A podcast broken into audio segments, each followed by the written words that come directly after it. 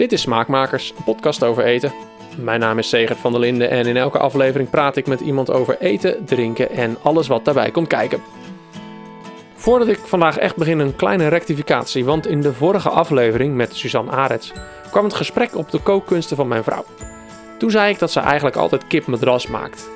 Maar dat is niet zo. Sterker nog, dat is wel een behoorlijke degradatie van haar culinaire kwaliteit. Ik ben bijvoorbeeld heel blij dat het weer winter wordt en dat het weer erwtensoep weer is. Want mijn vrouw kan echt een hele goede erwtensoep maken. En de lasagne die ze pas maakte, was ook echt top. Dus lief, sorry bij deze. Dan, nu echt, deze keer in de podcast Rutger van den Broek. Misschien zegt die naam je niet direct iets, maar als ik zeg Rutger van Heel Holland Bakt, ja, dan weet je wel wie ik bedoel. In 2013 won hij het eerste seizoen van Heel Holland Bakt en sindsdien is hij misschien wel de bekendste thuisbakker van Nederland. Dit jaar kwamen zijn zesde, zevende en achtste boek uit en vooral nummer 7, het makkelijke bakboek, is op dit moment een van mijn favoriete kookboeken. Hoog tijd dus voor een gesprek over bakken. Een geweldige tip voor je stedentrip naar Parijs en moet ik misschien mee gaan doen aan Heel Holland Bakt? Maar zoals veel gesprekken over bakken beginnen we bij moeders appeltaart. Want die is, samen met die van je oma, toch wel het allerlekkerst. En dat komt misschien wel door dat ene geheime ingrediënt. Liefde, denk ik toch wel. ja, toch dat, hè? ja, ja, net als de gehaktballen, die zijn ook nog steeds het lekkerst van, uh, van haar. Dat blij, ja, op een manier is dat altijd, hè? Dingen die je moeder maakt. Ja, Itali Italianen zijn er natuurlijk uh, wereldberoemd om. Het is niet zoals mijn moeder, dus het is niet lekker. Dat ja, is een nee, beetje... dat is gewoon de smaak die van vroeger. En naast de smaak is het gewoon heel veel gezelligheid en sfeer die erin zit. En Ja. dat, uh, tuurlijk kan ik zelf ook hele lekkere appeltaart bakken. Uh, maar die van haar was echt het Het allerlekkerst. is toch altijd die van je moeder. Ja. Ik lees ook altijd in alle bio's die ik van jou... Ik heb natuurlijk het een en ander gelezen toen ik voordat ik hier begin... las ik altijd dat jij naast je moeder zat op het aanrecht. Ja, klopt. Ja, er werd bij ons best wel regelmatig gebakken. Gewoon uh, woensdagmiddag vaak wel, vrijdag voor het weekend, soms in het weekend nog. En dan werd er een cake gebakken of een boterkoek of broodjes of wat dan ook. En ik vond het heerlijk om dan op het aanrecht naast haar te zitten, gewoon mee te kijken, spatels af te likken, uh, gewoon het meemaken. Ja. En dan ging het lekker ruiken. En ik had nooit geduld om te wachten tot de oven open mocht. Dus ze moest echt wel opletten dat ik niet stiekem ging kijken al. Uh, ja, ik vond het heerlijk. Ja, ja leuke is nu, een klein inkijkje in mijn leven, dat jouw boek hetzelfde doen bij mij thuis. Dat is wel heel tof. Ik heb een jochie van drie, Uh -huh. net drie, en uh, die vindt het prachtig om als ik op dinsdag daar vrij ben, dan gaan wij samen uh, even smiddags gaan we iets lekkers bakken. Dat is toch superleuk, en dan mag hij de mixer aanzetten en dan mag hij de dingetjes erin doen en zo. En dan zie je gewoon iets in wording en dat is geweldig voor een kind. Ja, ja. ja dat is het. En, en hij kan natuurlijk niet wachten tot hij de dingen mag aflikken. dat, is altijd... dat is misschien wel het leukste nu. Dat is het allerbeste, ja, ja uiteindelijk. Ja. Dus, dus nou ja, zo komt het dan weer, is het cirkeltje dan rond. Um, Kijkt je moeder nu met jou mee? Helaas is ze er niet meer. Oh, sorry. Um, dat, nee, uh, maakt niet uit. Nee. Um, nee, ze was er tot heel Holland Bakt uh, en het jaar daarna was ze erbij. Ze was echt mijn grootste fan, geloof ik. Ja. En uh, ja, helaas toen heel snel ziek geworden en uh, ze is er niet meer bij. Maar ik weet zeker dat ze heel trots is. Ja, dat denk ik ook, ja. ja. Je vader kijkt wel mee, want die heb ik net ontmoet. Ja, klopt. En die helpt ook heel veel mee. Sinds die met pensioen is, uh, het is best wel doorbikkelen, al die boeken en al die dingen bakken. En uh, hij vindt het heel leuk om te doen. En we staan hier regelmatig een hele dag samen te bakken of dingen te organiseren voor een of ander evenement. Wat leuk. En pakt hij er ook mee? Dan is hij ook als jouw, jouw assistent. Jazeker, ja. Dat gaat heel goed. Goed. Ik heb het van hem geleerd, dus natuurlijk kan hij dat ook. Ja, hoe bedoel je, je hebt het van hem geleerd? Nou ja, de, de, basis van het bakken en de liefde voor het bakken heb ik gewoon van mijn beide ouders geleerd. Uh, mijn moeder bakte meestal altijd door de weekse dingen, dus de cake, de boterkoek, de appeltaart. En als er dan iets groters gebakken moest worden of iets speciaals, of een hartige taart of oliebollen of spannendere dingen, dan, uh, dan was dat aan mijn vader. En dan, uh, zo waren mijn zus en ik altijd wel aan de bak met hen. Het zit er dus echt al vanaf, vanaf, nou ja, vanaf nul in eigenlijk bij ja, jou. Ja, ja, zeker wel. Ja. Trouwens, wat een goed huishouden als je door de week bakken en dat dat gewoon boterkoek is. Ja, nou dat denk ik wel eens vaker hoor. Als, we, als je kijkt hoe wij vroeger aten, uh, die, hele, die hele boter en vet en suiker uh, hype, die was toen nog niet zo groot. Ik geloof dat de gehaktballen waar ik het net over had, die werden bijna gefrituurd. Ja. Uh, na het toetje kwam stevast de, de droppot op tafel om nog wat dropjes te eten. En er werd bij ons niet zo heel erg... Er werd gewoon lekker gegeten, er werd van genoten. Als je googelt op Rutger, dan kom je al snel uit bij Heel Holland Bak natuurlijk. En daar wil ik het ook wel even over hebben. Maar ik ben dan zo benieuwd, hè, word je het niet zat om daarover te blijven praten? Nee, helemaal niet. Nee, uiteindelijk is het toch de springplank waarmee ik nu uh, ben waar ik ben. En dat heeft me wel gebracht waar ik nu, ja, wat ik allemaal heb kunnen doen. Nou, dat is mooi, want ik ben wel benieuwd naar die tijd. In aflevering 10 van Smaakmakers had ik het met Hans, de winnaar van seizoen 5, al over de weg naar de tent en hoe dat dan is. Maar toen Rutger in 2013 meedeed, toen was het allemaal compleet anders. Nu, als ik iets, bijvoorbeeld iets gebakken heb en ik neem het mee naar kantoor, dan zeggen collega's als, oh, jij moet meedoen met Heel Holland Bakt. Nou, mm -hmm. dus zou ik niet, zou niet, doen. niet dat is heel leuk. Ja, geloof ik best, maar ik denk dat ik, denk dat ik het niet, denk dat ik de tent niet zou halen. Um, maar jij was het eerste seizoen. Klopt, ja. We kenden het eigenlijk niet. Ja, misschien kende je de British Bake Off? Ja, ik kende de Great British Bake Off Ah, inderdaad. zo, ja. En eh, ik zag op een gegeven moment een oproep op culi.nl, een foodblog voorbij komen. eh, dat ze dit in Nederland gingen doen en dat er eh, kandidaten gezocht werden. En eh, november daarvoor was er, of december daarvoor, was er van de plaatselijke krant hier in Hilversum, nog in Eemlander, was er een tulbandwedstrijd. Toen had ik de tulband van mijn vader genomen, die had ik nog wat geperfectioneerd en meegedaan. Daar had ik toen mee gewonnen. Dat was eigenlijk het eerste moment dat ik dacht van, hé, hey, ik kan best wel lekker bakken. Ja. Ehm, en ik dacht, weet je, ik ga het gewoon proberen. Ik kijk hoe ver ik kom en ik geef me op. En ik ging alle aanmeldpagina's door, acht pagina's vol met vragen en dingen. Eh, en van het een kwam het ander en ik was steeds een stapje verder door die selectierondes. En uiteindelijk stond ik daar in de tent, ja. Ja, te gek. Ja, Denk, Ja. denk je er nog wel eens verder aan? ja zeker. Ja, het was een geweldige tijd. Het is echt... Als je mij van tevoren had verteld wat het me allemaal zou brengen... dan had ik je uitgelachen, denk ik. Want ik had dat... Het was nooit mijn ambitie om dit te gaan doen. Het is echt zo gerold ook wel. Ja. Maar het is zo tof hoe het gegaan is. Eh, wat mijn vriend soms zegt, je hebt het voordeel van het Jim en Jamai effect. Het, eh, het eerste jaar, zeg het maar. eerste, ja.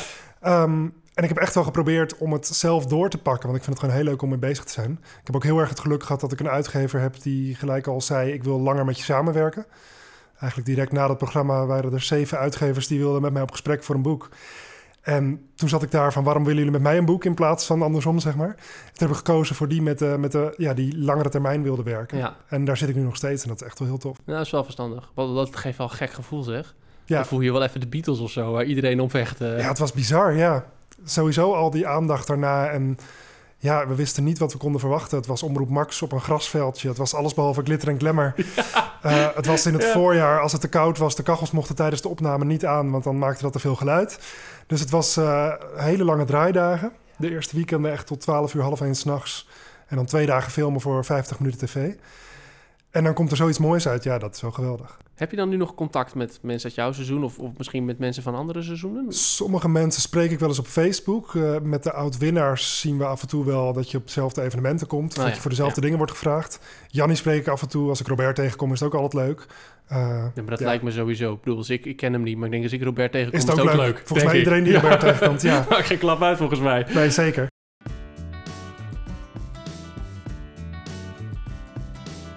En die lange termijnvisie die heeft zich uitbetaald, want ik denk dat Rutger een van de meest productieve kookboekenschrijvers van ons land is.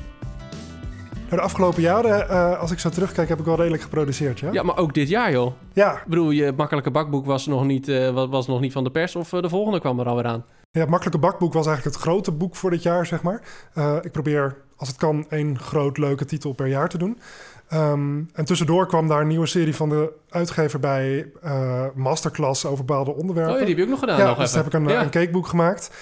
En ik kwam in contact met een kinderboekenschrijver. En toen kwamen we op het idee om een kinderboek te maken. En dat allemaal bij elkaar eh leverde drie boeken zeer kort achter elkaar op. ja, Dus het was best even doorzetten, ja. dat geloof ik ja. Dat is even doorbakken hier in, eh, in het eh, bescheiden keukentje. Ja, Ja.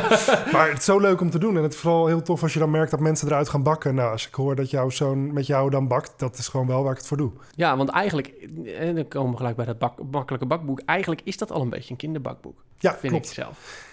Ja, het is gewoon, het is heel makkelijk. Eh, het is duidelijk beschreven. Je hoeft geen enge apparaten te hebben. Het kan allemaal in één kom. Eh, alleen voor het kinderbakboek heb ik echt samengewerkt met een kinderboekenschrijver, eh, Mark Haayema. Hij heeft hele leuke verhalen, versjes erbij geschreven. Illustrator heeft de tekeningen erbij gemaakt. Om het echt helemaal een bakbeleving voor kinderen te maken. Ja, het is ook de hele vormgeving is een kinderboek. Ja, Dat zeker. is het ook. Ja, Inclusief verhalen, je kunt het bijna gaan voorlezen. je kan het voorlezen. Ja, Ja. we volgen de familie Bakker in het hele boek, van lente tot, tot winter. Eh, en die beleeft allemaal dingen en ze gaan strandkoekjes bakken op het strand. En daar komt dan weer recept uit van zandkoekjes.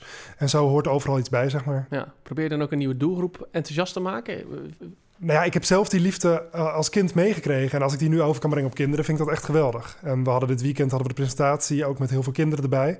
En als je ziet hoe enthousiast die dan reageren... en dat ze gelijk 's middags al willen bakken uit het boek, dat is wel heel tof. Klein stokpaardje van me. Maar het valt me op dat de laatste jaren elk kookboek begint met de belofte dat de recepten echt niet moeilijk zijn. Dat iedereen het kan, dat je echt in 15 minuten klaar bent of dat je echt maar 5 of 4 ingrediënten nodig hebt. En dan komt Rutger dus ook nog eens met een makkelijk bakboek. Dan vraag ik me wel even af, waarom is dat nu nog nodig? Omdat bakken eigenlijk helemaal niet moeilijk is. Maar mensen hebben wel vaak de indruk dat het moeilijk is. En dat komt omdat sommige onderdelen kunnen lastig zijn. Als je soezen gaat maken met kookdeeg. Of je gaat Italiaanse meringue maken waar kokende suikersiroop bij moet. Ik kan me best voorstellen dat je dat als moeilijk ervaart. Ja. Ehm, en heel veel mensen zeggen, ja, ik kan prima koken, maar ik vind bakken gewoon echt te moeilijk. Er komen te veel dingen bij kijken. En toen had ik zoiets van, waarom gaan we niet gewoon honderd recepten bedenken die makkelijk zijn, Waar je geen moeilijke apparaten voor nodig hebt, die je met 20 minuten gemaakt hebt. Eén kom, geen fratsen, duidelijke ingrediënten. En dat werd het makkelijke bakboek. Ja, ja, het is wel grappig dat je dat nu zegt. Nu, nu je het zo zegt, denk ik, ik, ik heb ook wel eens van Nigella Lawson gelezen. Dan denk je, nou, die Mhm. kan alles. Maar die was, ik in het begin ook bang van bakken. Ja, klopt, ja. Die wilde ook niet. Nee, het is ook... Bakken en koken zijn echt twee totaal verschillende dingen. Bij koken kan je heel makkelijk een scheutje van dit... en een handje van dat en een snufje van dat. En bij bakken, als het de oven in gaat... moet het in principe wel echt goed zijn. Natuurlijk kan je in het glazuur nog iets doen... of je kan de finishing touch nog een beetje naar je eigen smaak doen. Maar die basis is eigenlijk net scheikunde. Dat moet gewoon kloppen. Ja. Kijk, als jij een lekker koekje kan bakken... dan kan je er op een gegeven moment ook cardamom door gaan gooien... in plaats van vanille. Of dat zijn wel dingen die je zelf kan variëren. Maar je kan niet zomaar bedenken... ik ga eens even 100 gram minder bloem doen of zo. Nee. Dat moet ik zelf ook een paar keer Ja. uitproberen... voordat het perfect is, zeg maar. Ja. Eh, en dat vind ik echt het leuke aan bakken. Ik kan, ook, ik kan ook prima vier keer hetzelfde recept maken met steeds 20 gram bloem meer of zo. Gewoon om te kijken van wat verandert er dan. En wat verandert dan? Stel dat je een cake maakt en je doet 20 gram bloem meer... en nog eens 20 gram en nog eens 20 gram. Op den duur wordt die steviger en ook droger. Ja, Ja, dus het eigenlijk is... heel logisch. Ja. Maar bij, ik weet dat ik de brownies voor het eerste boek... die heb ik echt negen keer gebakken om ze perfect smeuig te krijgen... en van buiten knapperig, zeg maar. Ja, en dat vind ik dan ook echt kick om ze allemaal naast elkaar te zien... en eh, Ja? te laten proeven van wat, welke vinden jullie het lekkerst... en dan kijken van, ja, wat maakt de verschillen, zeg Oh, maar. grappig. Ik zou er echt zo, ik zou op een gegeven moment echt zo klaar zijn de mening. Oh, weer een keer. Nou, weet je, het is wel goed hoor. Eh, Nee, dus maar als je, als je passie is, dan wil je tenminste... Ja, ik wil dan Ja, wel echt het, wel, lekkerste, het beste, zeg maar. Ja, ja, ja. Volgens mij heb ik jouw brownies ook wel eens gemaakt voor, de, voor mijn collega's. was ook zo'n keer dat ze zeiden, je moet meedoen aan heel wel een bak. Maar Kijk, ja. ja. Misschien moet je toch eens serieus erover gaan denken. Nou, ik denk het niet hoor. Probeerde Rutger nog even een primeur te ontfutselen. Kan ik nog niet heel veel over zeggen, Nee? maar wie weet dat er nog wel een bijbel aan zit te komen. Maar toen die primeur niet kwam, ging mijn aandacht over naar het bakje dat al de hele tijd op tafel stond. Met daarin, natuurlijk, koekjes. Ik ben die, eh, die wereld van de koekjes ingedoken. En Nederland is best wel een koekjesland. We hebben heel veel koekjes. Eh, overal staat ook wel een koektrommel in de kast. Als je ergens, tenminste bij de meeste mensen Ja. wel. Als je ergens koffie drinkt, is het bijna gek als je geen koekje erbij krijgt. Ehm, en ik kwam erachter dat de Nederlandse koekjes, die allemaal in de koekjesbijbel ook staan, dat die gebaseerd zijn op drie soorten deeg. En dat eigenlijk de ingrediënten zijn vrijwel hetzelfde. Je speelt een beetje met de verhouding, maar door de manier van verwerken krijg je drie hele andere koekjes. Ehm, dus ik begin met deze. Ik denk dat je hem wel kent uit de winkel. Het zijn de pitmoppen. Van die vierkante koekjes met zo'n amandel bovenop. Ik herken ze. Ik wist niet dat ze pitmoppen heten. Maar ik herken ze inderdaad, ja. Ja, de pit is ook wel de benaming van de, van de amandel vroeger, zeg maar. eh, die werden pitten genoemd. Ah, Oké. Ehm, en dit is het be- meest bekende koekjesdeeg, het zetdeeg. Eigenlijk wat je ook voor een appeltaart maakt. Eh, dat je kneedt, je laat het rusten in de koelkast en daarna kan je het uitrollen. Ja, is eigenlijk gewoon eh bloem, bloemboter, bloembotersuiker. Ja, een beetje ei. Je kan er een werkende stof door doen, bijvoorbeeld bakpoeder. Ja. En je kan er wat smaak aan toevoegen, citroenrasp of vanille. Ja. En eh, dan heb je gewoon... tussendoor eten kon tussen. Ja, we horen het gekraak. Dan proef je gewoon een heel bros koekje, eh, wat ook op een zandkoekje een beetje lijkt. Eh, en de meeste koekjes eigenlijk in Nederland zijn gebaseerd op dit type deeg. Dus speculaas, jodenkoeken, hernhuttertjes, dat is allemaal setdeeg. Eh, het is heel leuk deeg, je kan het van tevoren maken. Je kan het ook in de vries bewaren. Als je dan gasten krijgt, snij er plakjes van. En dan heb je alle koekjes die je kan afpakken. Maar het leuke is, als je diezelfde ingrediënten neemt en die ga je heel anders behandelen... dan krijg je dus opeens een heel ander soort koekje. Dat is dan bijvoorbeeld eh wrijfdeeg. Ehm, ja, wrijfdeeg zegt al een beetje dat deeg, dat wrijfje. De, de, de klassieke banketbakker die doet het ook echt op de werkbank met zijn hand. En door dat wrijven breng je heel veel lucht in dat beslag, in dat deeg. Eh, heel bekend voorbeeld daarvan zijn spritsen. Die worden opgespoten ook. En dit zijn dus echt exact dezelfde ingrediënten, ehm, maar dan gewreven. En daardoor... Zelfde verhoudingen? Nee, dat niet. Dat net anders. Net anders. Ehm, omdat je het iets eh, boteriger wil. En de verhouding is net iets anders. Maar doordat je het wrijft, krijg je dus die hele mooie luchtigheid in dat deeg. En dat rijst en dat wordt gewoon heel mooi bros en heel lekker. Hm. En ik vind het fascinerend dat je dat gewoon met dezelfde dat je ja. een heel ander koekje maakt. Ja. Dus eigenlijk moet je die ook even proeven. Ja, vooruit. Nou, nee. jij, jij, jij praat wel verder hierover, heb ik, Ik idee. praat gewoon door. Ja. Nou ja, dit is wrijfdeeg. Dat is ook wel een deeg wat je dus gelijk moet gebruiken. Dus je moet het gelijk met de spuitzak verwerken. Anders wordt het keihard. Want je hebt het met je handen soepel gewreven. Brotser ook. Ja, veel kruimeliger. Maar als Ja. je nagaat dat hier geen werkende stof in zit. Dus er zit geen bakpoeder in. Het is echt puur door die lucht die erin wrijft, krijg je dit koekje. Je ziet een beetje de bubbeltjes zitten bijna. Ja. Ja. Ja, dat klopt. Ik vind het een prachtig mooi deeg. Je hebt ook eh, van die margrietjes, van die soort bloemen met een beetje jam in het midden. Ja? Dat is ook wrijfdeeg. En dan doe je gewoon kleine toefjes. Dan maak je met je vinger een kuiltje in het midden. Doe je een klein beetje jam in en dan eh, krijg je hele mooie jamkoekjes, bloemetjes. Je zit een beetje citroen doorheen, of niet? Ja. Citroenrasp. Klopt. Yes. Jij mag door. Ik zou echt meedoen een bakt. ik voel een thema aankomen, ja. En er is er nog één groep deeg. Eh, dat is roerdeeg. Ehm, en daar werk je ook met zachte ingrediënten. Je moet het ook gelijk verwerken, net als wrijfdeeg van de spritsen. Alleen bij, waar je bij wrijfdeeg alles heel luchtig en romig wil maken, wil je het bij roeren slechts heel kort mengen, eh, zodat het uitloopt op de bakplaat. Eh, ik heb hier de kattentongen, dat zijn hele platte koekjes. Wat je dus eigenlijk doet, is een heel dun streepje deeg op de bakplaat spuiten. En dan tijdens het bakken loopt dat deeg helemaal uit. Uh, koggetjes zijn ook een bekend voorbeeld ervan, de Amsterdamse koggetjes.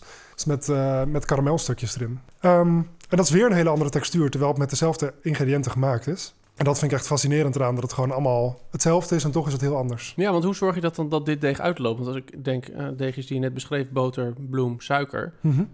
uh, dat, dat loopt niet per se uit. Dus is dus boter dan gesmolten? Of? Nee, de verhouding is uh, iets meer boter, iets meer ei, waardoor het een iets vloeibaarder deeg is. Oh ja, ja. En je gaat het niet luchtig wrijven, want die luchtbelletjes in dat deeg, die gaan, nou ja, lucht wordt tijdens het bakken warm, dan gaat het uitzetten en dan zorgt het voor volume omhoog.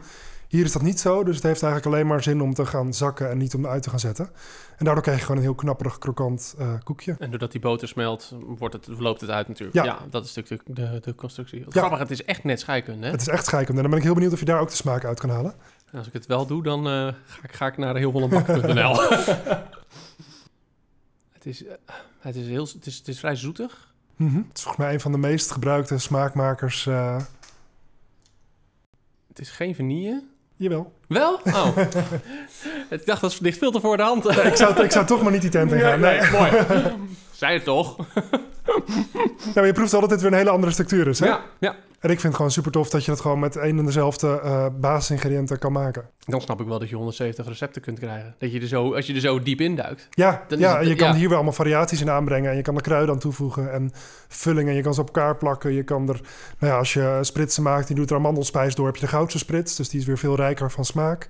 Je kan alle kanten je op. alle kanten op. Ja. Dat hele scheikundige, is dat mm -hmm. iets waar jij jouw inspiratie uit haalt? Gedeeltelijk wel. Ik vind het echt altijd een kick om de beste verhoudingen, de lekkerste verhoudingen uh, voor elkaar te krijgen, zeg maar. Uh, een van de klassiekers waarbij ik ook vind dat het echt goed gelukt is, is de boterkoek. Uh, het is best wel moeilijk om die echt lekker boterig te krijgen. Bij ons in de bakker lagen echt chunks altijd. En het was echt van binnen nog lekker zacht, van buiten een heel beetje knapperig.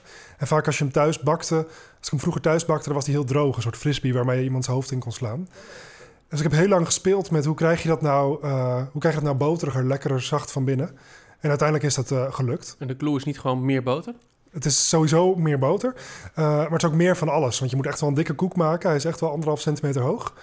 En je moet hem in kleine blokjes snijden, maar dan is hij gewoon van binnen lekker zacht en van buiten super lekker knapperig. Ja, als je natuurlijk dikker maakt, dan, dan bakt de binnenkant minder. Ja, maar het is zo lekker. Het is echt hoe boterkoek hoort, vind ik. Het is ja, hoe, hoe boteriger, hoe vettiger, hoe beter. Ja, ja, ja, tot op een bepaalde grens. Want ik heb hem ook wel eens te boterig gebakken. En dan moet je weer uitkijken dat je niet te veel vet aan het happen bent, zeg maar. Ja, ja het, het, is wel...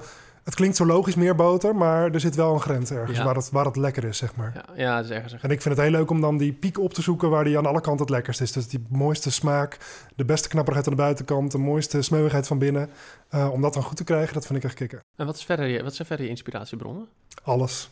Alles. Alles, ja. nee, eigenlijk overal waar ik ben, eet, kijk, loop, daar kan ik ideeën vandaan halen. Ik vind het heerlijk om af en toe naar Parijs te gaan, want dat is wel echt de stad waar je alles kan proeven en doen. Maar ook gewoon als ik in een restaurant ergens ben of een tijdschrift lees of een blog lees van iemand anders. Ik denk altijd wel, oh wat leuk, oh dat kan ik ook wel eens combineren met dat en dat. En uh, ja, ik haal overal inspiratie uit. Ja. Wanneer ben je voor het laatst in Parijs geweest? Ja, het is alweer twee jaar geleden. Waarschijnlijk gaan we dit najaar weer. Ah, okay. um, we moeten eigenlijk elke twee jaar wel even een paar dagen er naartoe. Omdat het gewoon zo'n walhalla is met lekkere smaken en dingen.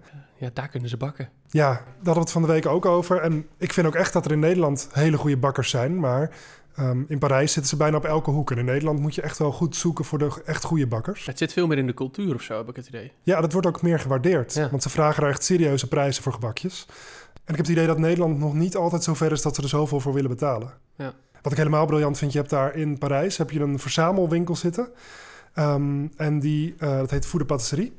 En die hebben dus van elke bekende patissier in Parijs, en dat zijn er veel, hebben ze één of twee signatuurproducten. Oh. Dus uh, bij die winkel kan je dan weer al het, lekkers, het lekkerste van alle bakkers kopen. Nou, dat kan je in Nederland toch helemaal niet voorstellen. Nee.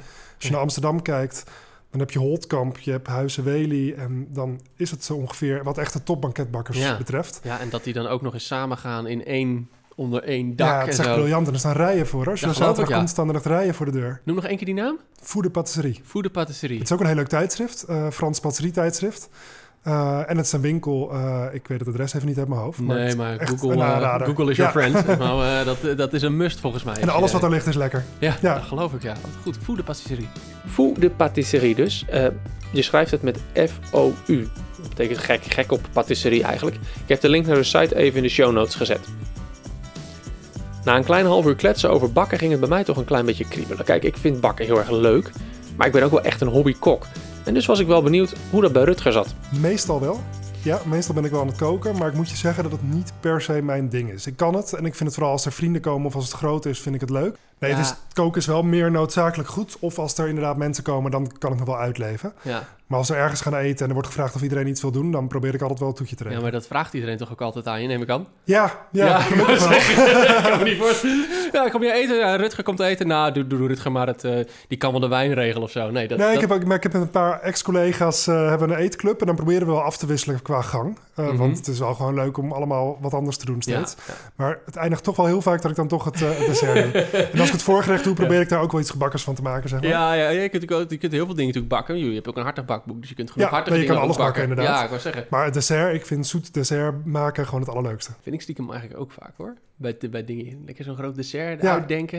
Ja, en het, laatste, het is het laatste wat mensen onthouden ook. Dus het maakt de meeste indruk, vind ik altijd. Ja, en ik heb ook altijd het idee dat mensen daar toch het meest het is, het is een beetje dat kinderlijk genoegen of zo, weet je wel? Dat je hebt van zo'n lekkere bak, zoete, lekkere nijen. Ja. En dan een beetje dat die balans bewaren of zo. Ik kan zeggen, dat is ook wel een kracht, hoor. Want alleen maar zoet voorzetten, dat, dat is heel makkelijk. Maar het is ook wel leuk om een beetje spannend te houden... en verschillende structuren en uh, om daar een beetje mee te spelen, zeg maar. Ja, ja dat, dat vind ik dus zo leuk inderdaad. Ja, een beetje kijken van, doe je erbij, doe je nog een nootje bij... of pak je nog iets, uh, iets ja. of wat dan ook. Maar er gaat ook niks boven een hele grote schaal met eat mes. Gewoon aardbeien, balsamico zijn, schuim en slagroom.